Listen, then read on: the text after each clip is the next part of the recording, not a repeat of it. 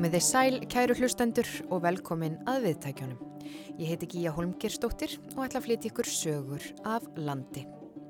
Og að þessu sinni ætlum við að minnast hersetunar á Íslandi. Á þessu ári eru liðin 8-10 ár frá því að breytar hertóku Ísland í setni heimstyrjöldinni.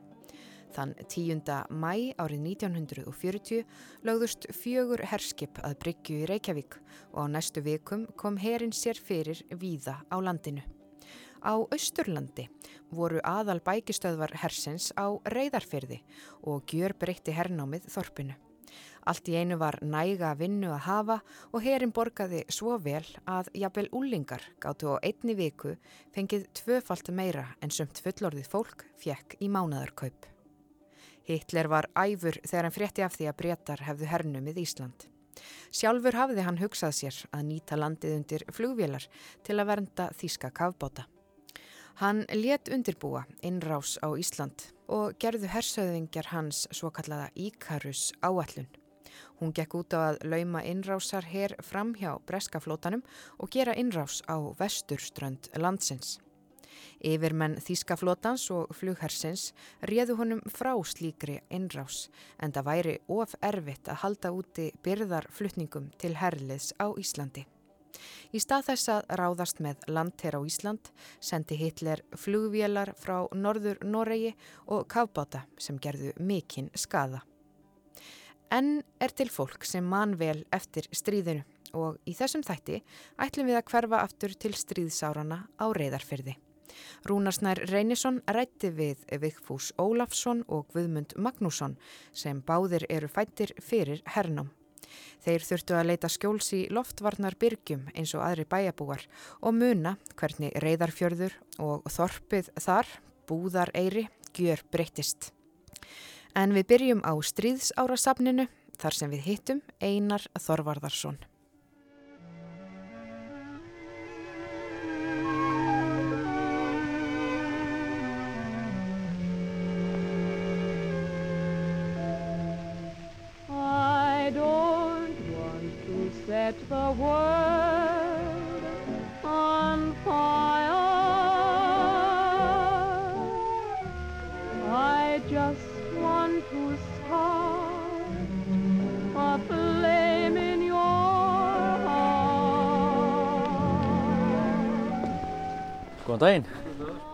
Hvert eru við nú kominir? Hvert eru við nú kominir? Nú vorum við komin í strísára safni hérna á eðafyrði.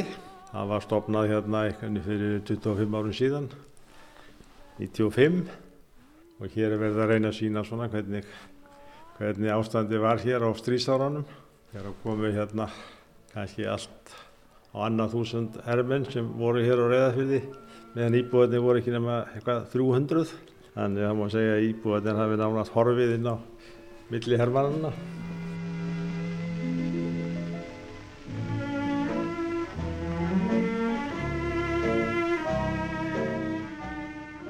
fyrsti herrflokkurinn sem kom hérna hann sést hérna á þessari leinilegu mynd sem var tekin hérna uh, 1. júli 1940 hérna sjáum við flutningarskipið Anders sem kemur með herrflokkin og tundurspillur er hérna fylgiskipinu skipið fór fyrst til Eskifjörðar setti þar herrflokk á land og síðan komum við hingað og settum annan herrflokk á land hérna.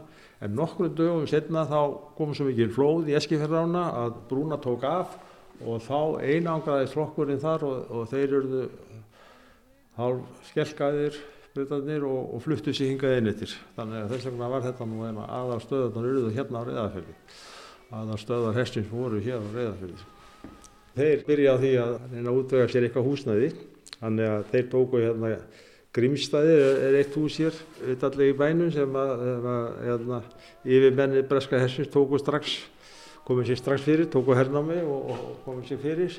Nokkur setna þá tóku þeir hérna gístús kaufélagsins, tóku það en síðan voru þeir með tjöld, komið þeir upp tjöldum og síðan fóru þeir strax í að byggja upp, byggja brakka. Það vissi enginn fyrir því komið allt í einu og það var bara að taka myndir. Strax daginn sem þeir komu og það var maður stafsmæri á kaufélaginu sem heit Magnús Guðmundsson hann var stattur upp á öðru heið kaupfélagsins þessum skrifstofunar eru og sáskipin koma, var með myndarill og tók myndir af þessu, tók nokkuð margar. Síðan tók hann, hann vissi þetta verið bannað, það var búin einhvern veginn tilkynna það, að hann tók myndavirinn og sett hann upp á háalátt, það var svona rúa, geimsturlóft upp í skautinu þar upp og þar lág hún í einn held ég þrjú, fjóra ár þar til að nú tekið niður á myndirnar, filmurna framkallaðar. Þessar myndir eru til.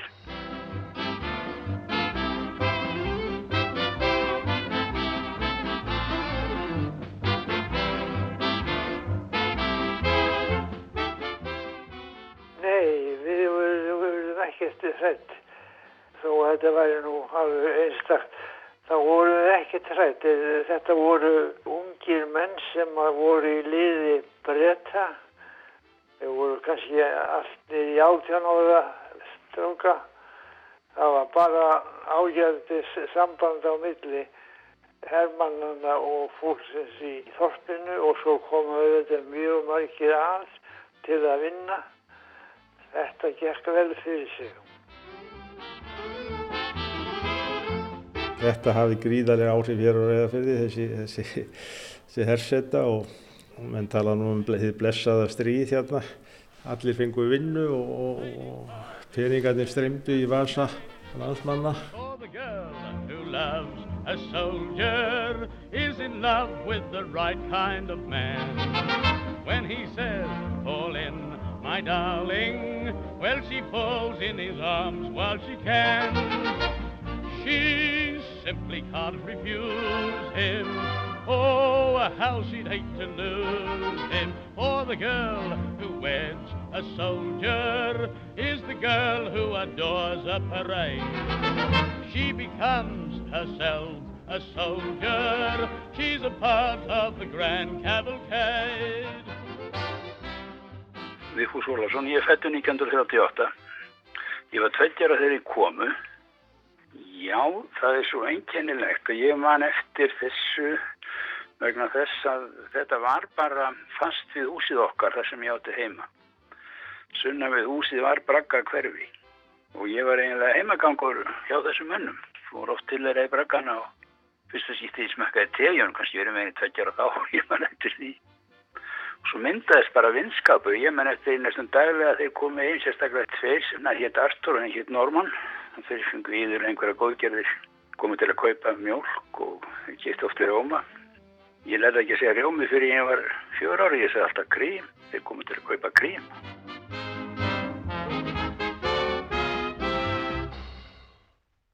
Þetta voru bara vinir okkar og það var þannig að konurnar þarna þorpinu þóðu af þeim þótt og þegar mest þarfum að vera hjá móður minni og sýstir þá þóðu þeirra 116 hermanum Allt var þetta nú handafinn, hundið í höndum og skrúpað og þóttabretti og svo framvegis.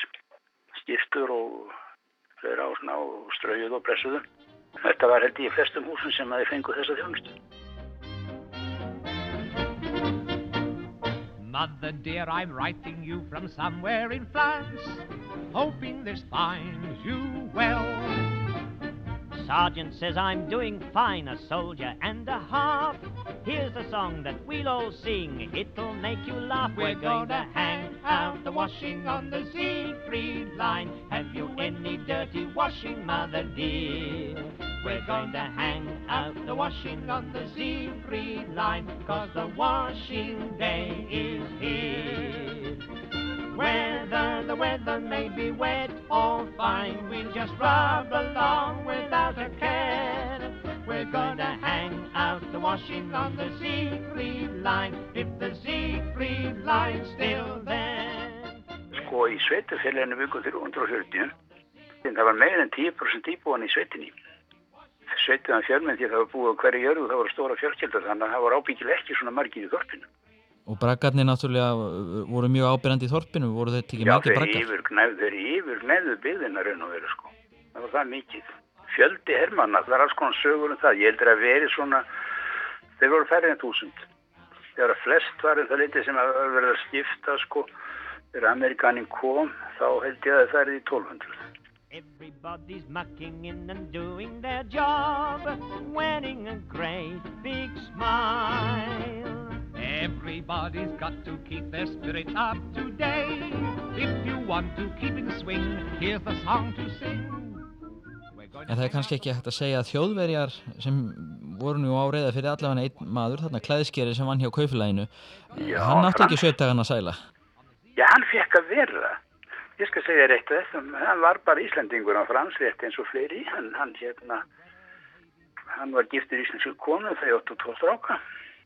Ég, ég sem að voru bara sem ég þekkti, ég þekkti þetta fólk.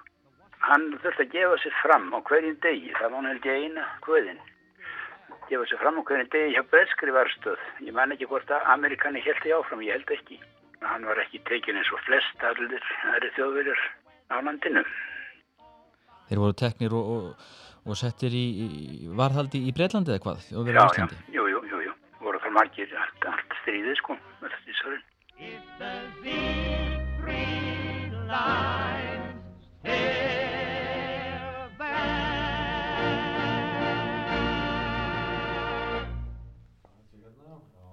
Og hérna sjáum við plaggat sem hefur verið sett upp kannski hérna einhver staðar í bænum jáfnvel. Já, ég veit það nú ekki en breytandi settu þetta held ég við upp og verðum með við að vera að tala gáleysjuslega. Það geti, all geti nú komist og borist til hljóðverðina. Já, þetta er starðar en að plaggat sem ástendur Don't help the enemy. Careless talk may give away vital secrets. Sagt, hjálpaðu ekki óvinninum. Kæruleysislegt tal eða gáleysislegt tal gæti ljóstrað upp um mikilvæg leindarmál. Já, já, já. þeir tókur nokkuð harta þessu breytaðir. Og þeim var mikið í mun að, að, að þjóðverjar vissu ekki um þeirra viðbúnað hér og, og menn óttuðust að það væri jafnvel njósnarar í bænum. Já, það var nú reyndar, þeir byrjuðu náttúrulega þegar þeir komu til Reykjavíkur, þá byrjuðu náttúrulega á því að taka alla þjóðverjar til í fanga. Hér var á reyðafyrði var eitt þjóðveri, hann var klæðskeri og þeir að handtaka hann en Afi var nú kaufélagstjóri hérna og hann var nú vin, í vinnu hjá honum og honum tóst nú að samfæra betanum það að hann væri ekki tættulegur þessi maður og, og þannig að hann, hann slapp við handtöku. En þeir svona höfðu gætur á honum samt? Já, já, þeir fylgdust með öllum þjóðverjum sko. Er, já, já, já. Já, halló. Já, sæl er það Guðmundur? Já, ég heiti Guðmundur Magnússon og er hættur úr Reyðafyrði 1926. Hvað er þér minnistæðast frá stríðsárunum á Reyðarfyrði? Já, það væri nú sem allt sko. Hvað sjálf á mig varðaði þá lendi ég nú fyrir rétt breska herfóringja og það var dálítið skrítið í kringum það. Ég var að koma úr berjum og lappa út göttuna og þá kemur Steinfór Eiríksson, vinnur minn, hann var þarna í fæði hjá áslögum okk í ekkur sem kallað var. Og uh, hann helsar mér með Hermann að hverju enskri. En ég var svona að leika mér og og, og let mér hafa það að helsa honum í staðin með hilliskveðju og þetta sá vörðurinn við skólan skólinn var þetta beint á múti það var ekkit annað en það að ég var kallaði fyrir herjæst um, um kvöldi það komu tveir heim það sem ég bjó út á, út á svo kallaði bakkagerði seri hjá Tulling Jóhansen og Gerður Þóðarstóttur og þánga komu breskur lauröglu hermaður og turkur Jóhannes Guðmusson héttan þeir tók, fóru bara með mig inn í skóla þar sem var búið að raða upp borðum og stólum og, og þar voru tveir eh, hermenn með byssur og stóðu vörð og síðan hóstu yfir Heisland. Það voru þrýr borðarlæðis hermenn, svona vel á miðjum aldri. Og ég var spurður spjörunum úr hvort að ég var í nazisti eða hvort ég þekkt einhverja nazista og svo framvegis og svo framvegis. Og ég svaraði náttúrulega eins og ég gatt og neytaði öllu um það að hér væri einhverju nazistar þeir verð ekki að, til á, á reyðafyrði. Svo uh, sagðu þeir bara svona í lokinu, já ef þú gerir eitthvað aftur svona, þá verður þú bara tekið fastur og sendur til Englands og verður látin vera þar fram með stíðin. Þetta var nú það sem var nú dálítið svona personalegt hjá mér sko. Og leiðir ítla eftir þessa uh, upplifun? Nei, mér leiði ekkert illa, þetta var allt í lagi. Það var engin, engin vonska eða neitt þess aftur. Ég bara svaraði samvinsku samlega í gegnum uh, tólkin, hann Jóhannes. Þeir letu það gott heita, ég fór svo bara heim. Það er að það sem ég bjó. Og hvaða skýringar gafstu á, á þessari nazista kveðju? Hvaða skýringar? Mm. Ég hafði bara ekki neina skýringar á takt hinnum. Uh, sjálfur var ég uh, algjörlega ópolítiskur eins og geta ímyndaði 14 ára gammal. Það var nú bara uh, strafskapur að, að fyrst að þeir hilsuðu með enskri hverju þá fannst mér ekki, ekki dóðilegt að hilsa þeim með hilliskverju sem ég dætt ekki í hug og hefði þessar afleðingar. Ég held að uh, þetta sé nú kannski minnistæðast uh, hjá mér. Þetta fylgist þeir með öllu og þeir voru með varstaðar með sjóta vattanesi og svo náttúrulega á Holmálsson, þar var fallbissur heiður og svo innar með fyrðinu líka og í þorpinu. Voru allstaðar fallbissur og, og, og bissu og ylbissur heiður en flugur hann að komu. Og það var byggð loftvarnabelgi viða í plásunum sem átt að rúma alla íbúa. Og svo voru skráðir allir kjallara sem að töldust vera sprengjuheldir. Þeir flugu oft yfir og íbúar þorsins voru látni vita með flöggum hvað skipum liði utan við fjörðin og það var kvitt flagg, þá var engin hætt á höfðinni, svo var gullt og þá var, skildi allir vera tilbúinir og raukt, þá var mönnum sagt að fara í, í skíli. Það var búið að gera ráð fyrir þessu og, og brettarnir og hræstnefndin stóðu fyrir því að, að grafa loftvarnarbyggi og ákveða í hvaða húsum menn skildu vera ef og þegar væri loftárás yfirvóðandi. Tvísar mann ég eftir því að ég verð bara rifin upp úr rúminu og hlaupin með minni í loftvarnarbyggi sem var bara skamt frá. Það var bara við loðamörkin í okkur og í sittnarskipti mann ég eftir því að ég var bara vafurinn í stoftarpi og móða mín satt með mig en ég verð svost eitthvað á þegur og losaði mig frá henn og fór út og horfði á flugvilan að fljúa þarna inn eftir. Hún flög inn með fyrðinum að norðanverð og snýri við og flög út aftur og það var skotið alveg viðstuðlust á hana. En hún slapp, hún flög svo lágt, kannski þess vegna, ég veit það nú ekki. Það var skaplega gott viður, sól og blíða, þetta var í suðvestri. En kona þarna í næsta húsi við okkur, hún raskaði ekki dró hennar, hún stóð út á snúru og tengdi þótti sinna meðan á öllu þessu stekk. Það var verið gallið ég nú beðin að koma inn, hún syndið ekki, þetta er allt í leið, sagði hún. Svo flög, flug við lúnu fyrðina, það var maður á litlum bátið þarna, sunna við þorpið og, og, og hún flög láttu við bátið, þetta er bestu náungu, sagði maðurinn, þeir vinkuðu mig bara. Svona var það nú. Og þessi flugvil sem að fórst þarna út frá í snæfuglunum eða á völvuhjallanum, það var í raun og veru flugslýs, þeir lendin í þókubakka. Þeir hefðu notað fjall sem heitir Snæfugl til að taka mið þegar þeir flugu aftur til Norris, þetta voru njósnaflugulega fyrst og fremst. En akkurat þegar að þeir voru að beigja þarna fyrir þá, þá skalli við svarta þók og þeir fóru bara á nálat landin og lendi í fjallið.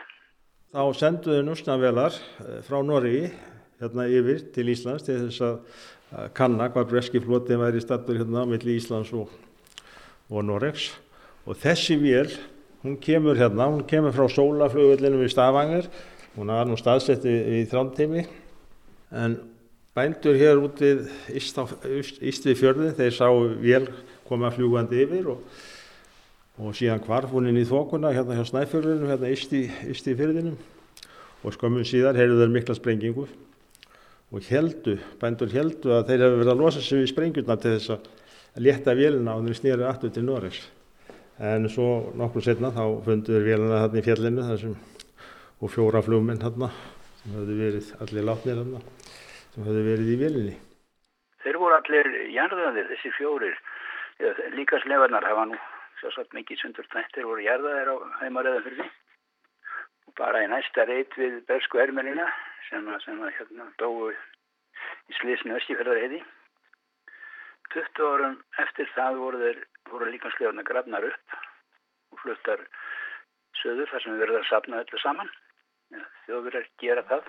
Hér sjáum við eitthvað járnsæti með leðursessu, hvað er þetta? Þetta er leifar af þessari vél sem að, að, að lendi þarna í snæfélunum.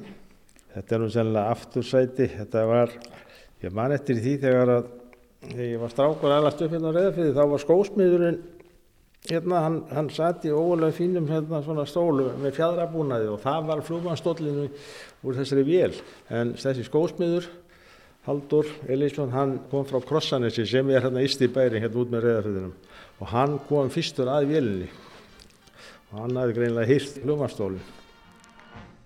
The weather's fine for flying. The fog has gone to bed. There's such good visibility. You could see victory ahead. Let's fill the air with eagles.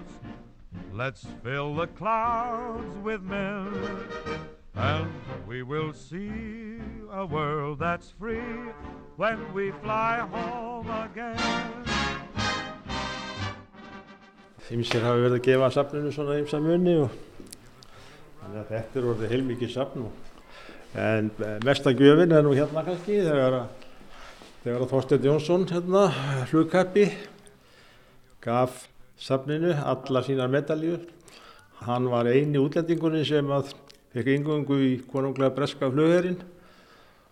Og honum tókst að komast þar inn vegna þess að, að mammans var, var bresk en, en hann var svonur Snæbjörns Jónssona sem var bóksæl í Reykjavík. Og þarna var Íslandingur að berjast með breytum í hálöftunum. Hvað, hvað afreikaði hann þar? Hann skaut nú niður 12 óvinnavélar og fór í einar 400 árasamferðir frá Breitlandi og yfir á Meilandið og hann flög aðalega svona á Spitfire flugvél. Bombs away! said the bombardier to the pilot. Call it a day. And then the pilot said to the radio man, Say we done it again. og hann gaf safninu allar þessar medaljur sem við sjáum hérna. Hér er hún til dæmis medalja frá Georgi, Bretakonungi. Ég mitt og hérna sjáum við líkan af þessari vél, uh, einsreifilsvél og uh, svo er hérna starðarinnar skot. Já, þetta er nú einhvers konar, já já, þetta er nú einhverju hlýtskotabissu. En hann var aðeins í heppin, hann, hann kom vel út úr þessu. Hann var þjálfaður í, í hópi 30 ungra manna í upphafi stríðs. Í lokstríðs að þá var hann einn eftir ástand einum öðrum. Hinnir fjell með allir. Let's fill the clouds with men, and we will see a world that's free when we fly home again. En hér er mótil af, af hérna svona Junker, þískri Junker flugvél. Þetta er síðasta þíska vélinn sem kom til Íslands. Bara nokkrum dögum fyrir stríðslokk í mæ 1945.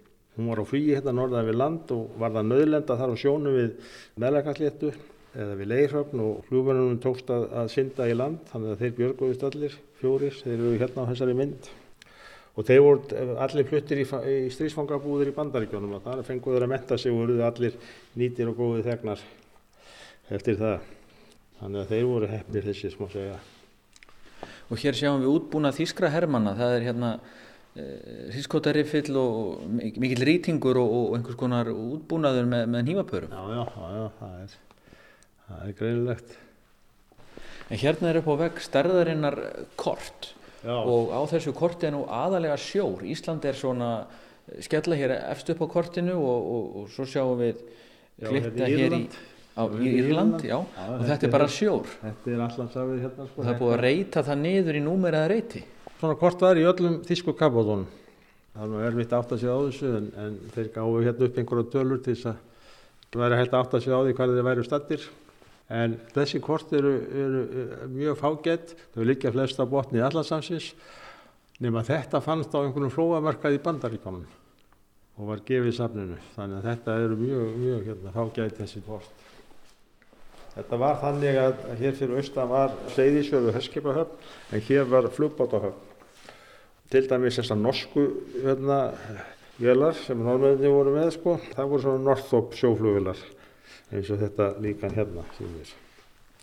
Og svo voru breytandi með svona, svona flugbáta, valrúsflugbátar. Þeir voru hérna með, þeir nettu hérna náttúrulega á fyrirðinum og voru svona með viðgerður aðstöðu hérna í neðst í bænum. Þar voru brakkarsað sem við vorum með viðgerður aðstöðu. Þeir dróðu vélarna þar á land.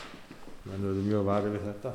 Og svo var náttúrulega mjög mikið um það að þýskar flugvilar kæmu. Flug, þeir, flug, þeir flugu hérna inn fjörðin og alveg inn í botn og stýru við út aftur og breytanir skutu og skutu en þeir náðu aldrei að skjóta niður eina einustu flugvél. Það var svo merkilegt að eina þeir hittu það var, það var hrútur hérna sunna við fjörðin sem fannst auður eftir eina árasin á, á flugvélarnar.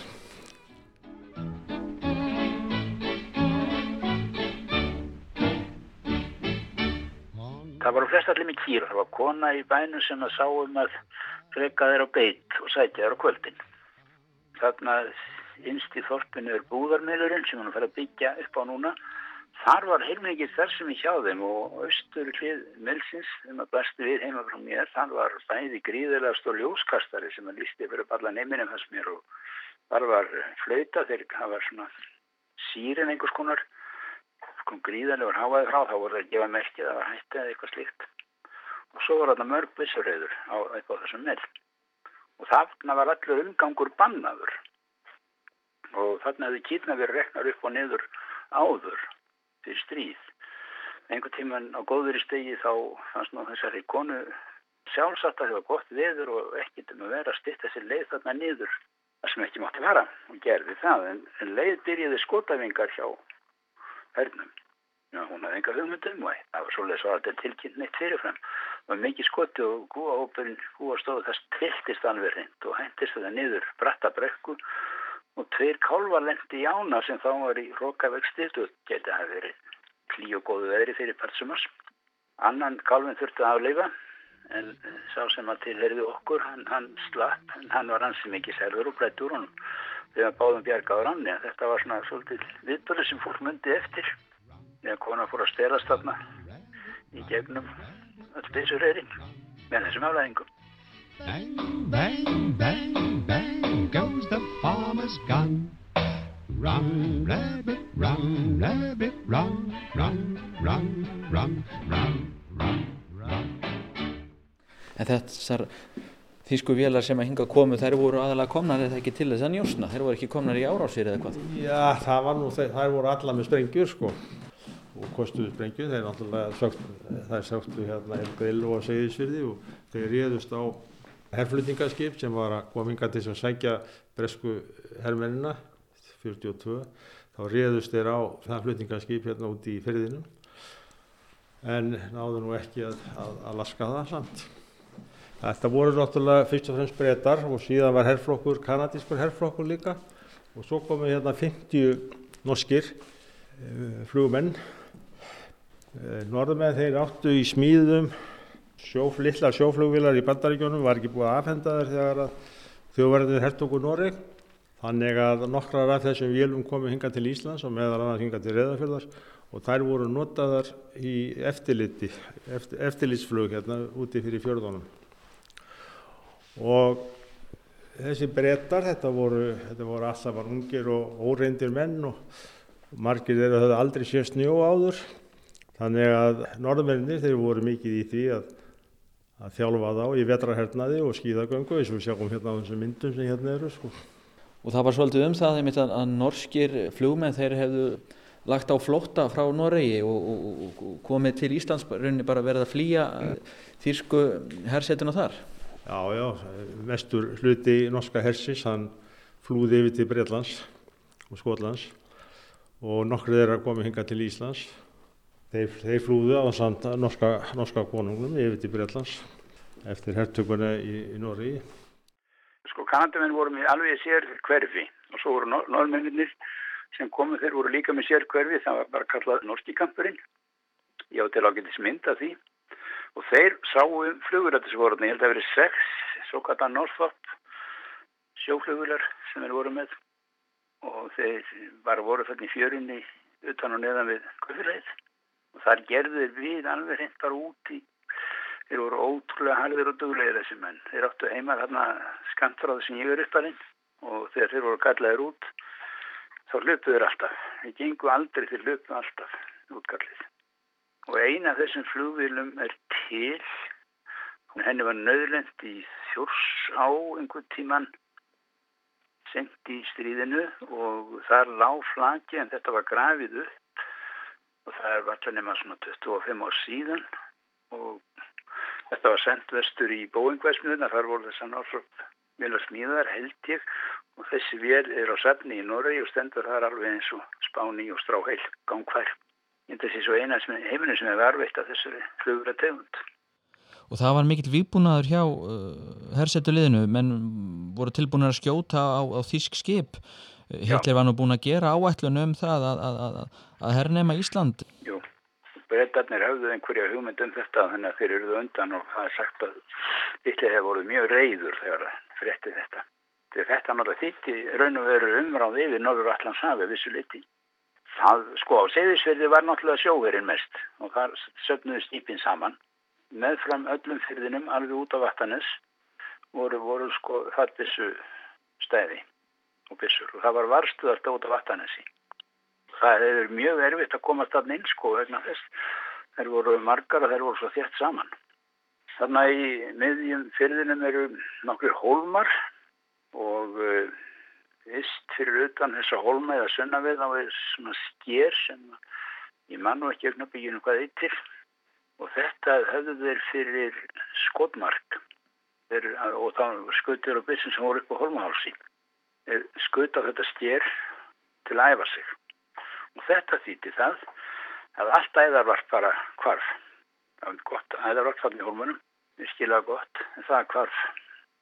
Þetta þeir eðilegðu það. Það tók mörg ára að jafna sig. En svo hörðu þarna ýmsar uppakomir eða sliðist, það var og meins húsbrunni þarna, kveiknaði í?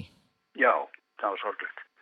Það var stort og mikið hús, ég held þryggja hæða timburhús sem var, sem sagt, það var bæði pakkhús og salterskunarhús uttalega í þorpinu, byggt alveg fram í sjó, kynnt með hóla opnum, þetta var ekki íbúðarhús en þeir tóku þetta hús til sín.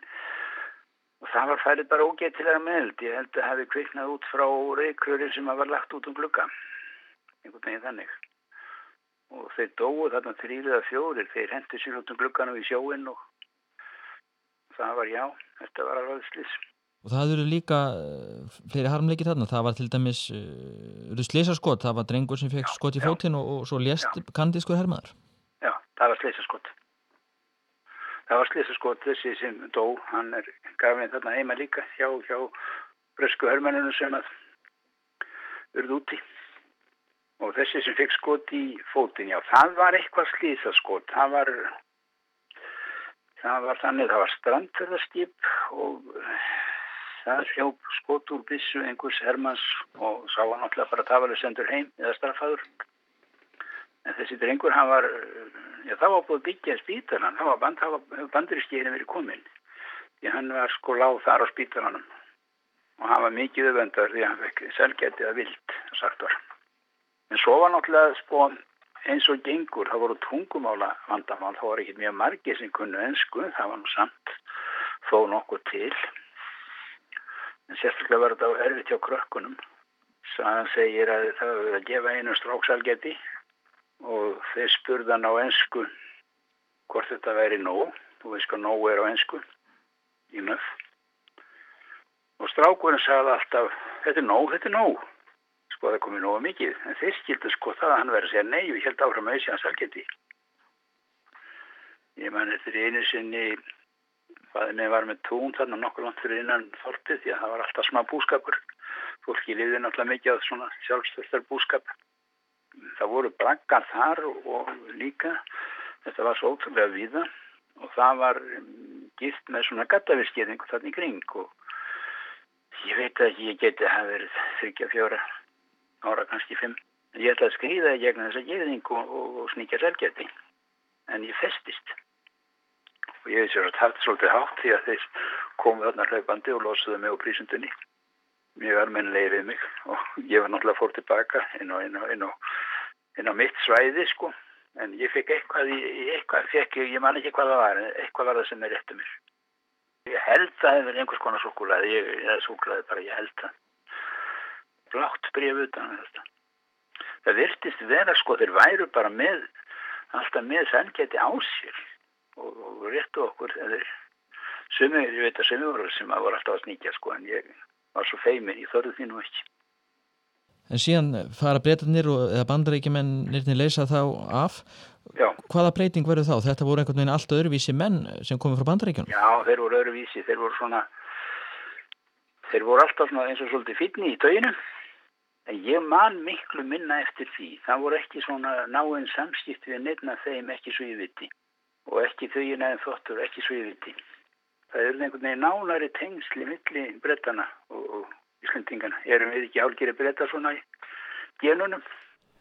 Þegar bandaríkjaman komu hérna þá bara fóru þeir í braggana, bresku braggana, hreinsuðu allt út úr þeim og, og bara kvikti í öllu draslinu og komu bara með í, í, inn í braggana. Og svo byggðu þeir náttúrulega mikið af, af, af nýjum bröggum. Þeir hafðu nú aðal aðsettur var hérna út á, út á haganu þar sem að, að vinnubúðina voru fyrir álverið þar voru bandaríkjaman og þeir voru bandaríkjaman, þeir voru eitthvað um 1200 þegar þeir komu hérna 1942. En amerikanir sko, þeir framkvöndu mjög mikið, þeir lögðu veg, byggðu brú á læng, endur byggðu bryggjuna sem þarna var, og var kallaði barkurinn, vegna þess að það var bryggja sem byggðu ofan og stóð bara á hérna kjölnum og, og síðunum að göfnu barkskipi, eins og að gert mjög áður fyrr, göfnu skipun sögt og bryggja ofan á. Og þeir endurbyggðu þess að bryggja amerikanandir þannig að það var raun og þeir fóru þá var þarna bara nýbyggð bryggja. Og þeir lögðu veg sem er raun og veru bara í nótkunn en þetta í dag sem er upp að, upp að hérna að spítalakampinu Leið og bandarækjumenn komu hérna 42 og byrjuður á því að byggja það mikla herspítala Og þetta er svolítið mikil bygging, þetta eru margir braggar og langur gangur já, og langir já. gangar sem tengið á alla saman. Já, já, þeir eru tengið saman hérna, það er innan gengt að millið allra þessara bragga og þetta voru 60 starfsmenn sem unnu hérna við þennan spítala, læknar, hjúgrunarkonur og annað heilbríðstarfsfólk. Þannig að þetta var gríðarlegt fyrirtæk og menn skildu ekkert í því að hverju var verið að byggja þetta hérna. Bretandi voru nú með spítala hérna aðeins hérna innan í bænum. En menn heldu að þetta væri, þetta væri til undirbúinis hugsanleiri innráðs í norðu Noreg. Menn allveg sér að flytja hermenn þaðan og hinga til á sjúkarhásið, serða hermenn. En það var nú ekki raunin, þetta var bara uh, venja hjá bandaríkamönnum þar sem þeir komið sér fyrir þá rest byrjuðar alltaf að reysa svona fullkomi sjúkarhás þess að þjóna sínum herflokkum og það var byggt annað eins á segisverði alveg eins og þetta. Voru heimamenn eitthvað læknaðir í þessu sjúkrahósi? Já, já, þeir fengu að koma hérna inn og það var svo góð þjónustöðan að þeir vildi helst ekki fara út aftur, segir kýlsmanni. Þessi brekki hérna sýnir hvernig aðstæðan var hjá, hjá hörnunum. Þetta var náttúrulega ákallega erfitt fyrir þá að vera hérna. Þetta var kallt og brakkarnir voru ílla einangræðir, þannig að þeir söpnust í kringum oljórnana eins og við sjáum hérna þessari mynd. Og svo var nú umhverfið ekki kræsilegt svona á vorin sérstaklega þegar frostar að fara á jörðu. Það var mikil drulla í kringum brakkan eins og við sjáum þessari mynd hérna. Og sumstaði voru að reyna að gera þetta svona svolítið hugulega með því að vera með svona gerfi pálmatri til þess að skreita svona við brakkan eins og við sjáum hérna þessari mynd hér þannig að þetta var ekki, þetta var ekki mjög þægilegt fyrir það að vera hérna í þessu skýta gulda og miklu snjó og, og svo var kannski mest í óvinnur það var myrkrið sko var, og líka ég vil byrta á sömurinn það var þegar margir gátt ekki sofa áttu erfitt með að sofa á sömurinn út af þessari björtu nóttum hér en einhvern veginn þá komist það í gegnum þetta. Hmm. Og hvernig voru þessi brakkar að innan? Bara ágættir innan, ég kom nú ofta að minn sko, þetta var að fóðrað bara með svona, það heitir Celotex sem var klætt innan með. Og bandarísku brakkarnir voru miklu vandar og betri en þeir bresku. Það var svolítið einangrun í þeim og það var betra efni líka. Afskaplega gott tempur í, sem þeir notuðu. Það var mest orikumpæn allir prankar í brakkunum, gólbitur og annað það var orikumpæn og það voru, voru vandari byggingar Og þessar byggingar nýttustu auðvitað þegar heyrim var farin? Já, já, það var náttúrulega tekið til að rífa mikið að þessu og selja. Þetta fór út um allt, þetta var selt og margi bændur kæfti sér þarna brakka til bara sem úti hús. Og svo var þarna hluti af, af spítalakampinu stóð lengi og stendur raun og renn þar sem stríðsvarasafnið er.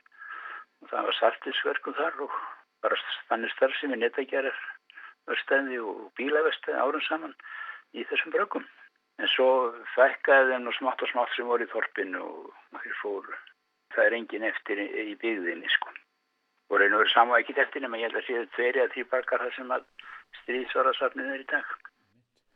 Og uh, svo er það náttúrulega tónlistin. Hér er mikið af uh, plötum og hér er plötuspillari. Getur við heilt hvernig það hljómar? Ég veit ekki hvað það virkar.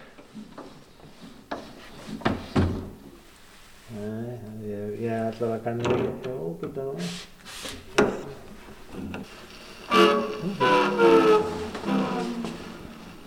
Já, já, þetta breytandi voru nú með einhverja plötuspilara og voru nú að hlusta mikið á músík en það var ekki fyrir bandarækjumenn komið sko, þá þeir höfðu allar græður. Það vant að ekki.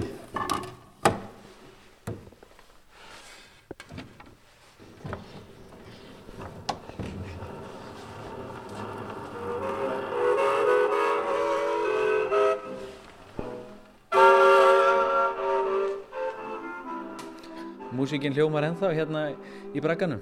Já, já, það er, það fyrstum að vera bara betri blöttuspilari en það til það. Hér var náttúrulega atvinnuleysi og fátakt mikil en hernámi náttúrulega gjör breytti öllu. Það er náttúrulega allir náttúrulega teknilegri byltingu hér á, hér á Íslandi. Þegar að er komið alla sínar velar og tæki og ekki hvað síst þegar bandaríkjumenn komið með með ennþá betri tæki, jarðítur og jeppa og trukka þannig að þetta var bara teknileg bylting hér á Íslandi, má segja. Lasar landsmanna fylltust af, af peningum þannig að Íslendingar þeir stór grættum, má segja, á stríðinu. Þannig að það var nóg að gera var nóg að gera fyrir alla. Og fólk kom víða að til þess að fá atvinnu hérna. Þannig að þetta var mikið fjör það var Það voru bíóhús og það voru dansleikir og, og barir og veitingastæðir og þannig að þetta var gjör breyting og öllu. Uh, við ætlum að taka uh, nokkur stríðsónulega fyrir ykkur. Þú maður byrjaði að taka lag sem heitir By Me Pistol með Andrews Sisters. Reyðfyrringar halda sérstaklega upp á 1. júli, það er svona eiginlega algjörðu þjóðhóttjadagur reyðfyrringa, hernámsdagurinn. Að hér breyttist allt þegar hérinn kom hingað á hernámsdagi. Þá voru það hérna, skemmtanir hérna í, í brakkanum. Það er sungin hernámslög og mikið fjör hérna og mikla veitingar hérna einmitt á hernámsdagi. Og oft værið í skrúðgöngu hérna niðan úr bæ og hingað upp yfir.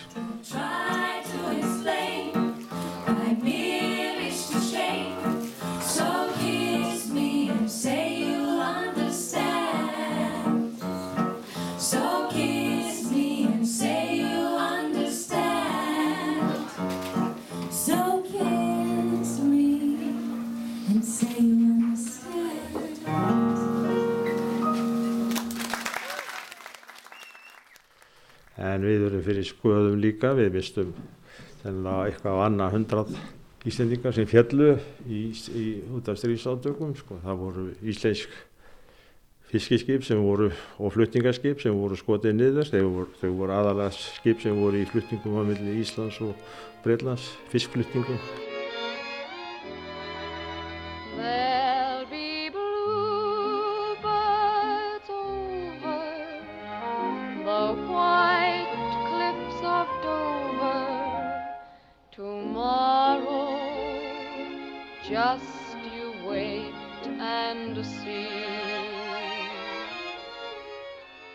Við eignuðumst þarna bara fjölskyldu vini, sérstaklega tvo sem voru svo í vinnasambandi og, og breyfaskiptin á alveg fram yfir 1960. Þegar ég var tökjar og þá kom annar þeirra, Artur hétt hann, og gaf mér bók. Svona myndabók með dýrum sem dýrin rýsa upp í og svo bók er ennþá hjá mér. Margar kynsluður á að nota hana. I still can hear them say thumbs up. For when the dawn comes up. Einn af þessum hermönum Kornungur maður, hann var eitthvað 22 ára og nýlega giftur hann kom til Íslands og móður mín tók hann á sína arma, hann var eins og bara fóstursonur hennar. Og hann var einn af þeim sem var úti á Eskifjörðarheiðinu þegar þeir voru sendið þarna í óvissuferði í Tómri Vittlisu og hún gekk svo vel frá gröfinans, það var eina gröfin sem var mest, hún smíða kassa með gleri yfir og þar var krans sem hefði verið notaður við útföruna sem var nú ekki fjölminn en hún gekk svona frá þessu. Og þetta var í mörg ár sem þetta var bara heilt þarna. Það er til mynd af þessu.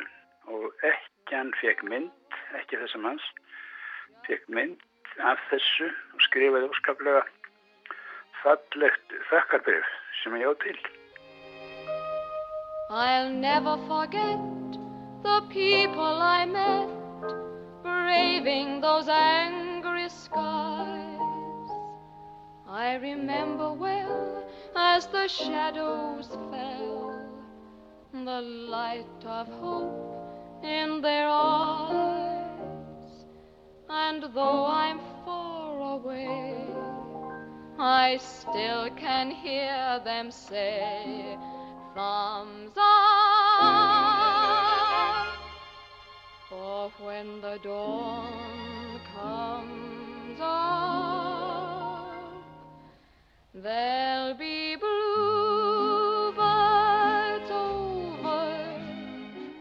Vigfús Ólafsson þakkaði kærlega fyrir spjallið og að reyfja þetta upp með okkur. Það er bestu þakki sem er leiðis Einar Þorvarason, kæra þakki fyrir spjallið. Já, takk sem er leiðis og þakkaði kærlega fyrir spjallið Guðmundur Magnússon. Já, sem er leiðis laughter and peace ever after. Tomorrow when the world the shepherd will tend his sheep the valley will bloom again and Jimmy will go to sleep in his own little room again. There'll be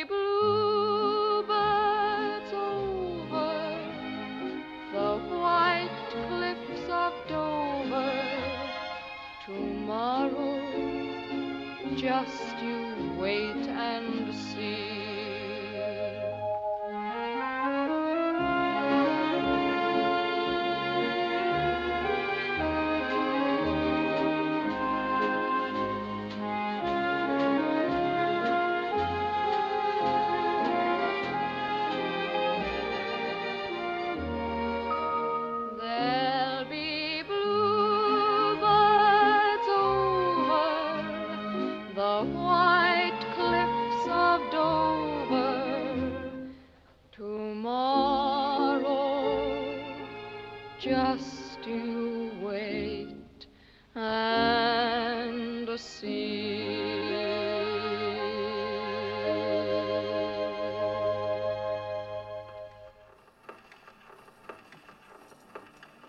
Þarna hörfum við aftur til stríðsárana á reyðarferði.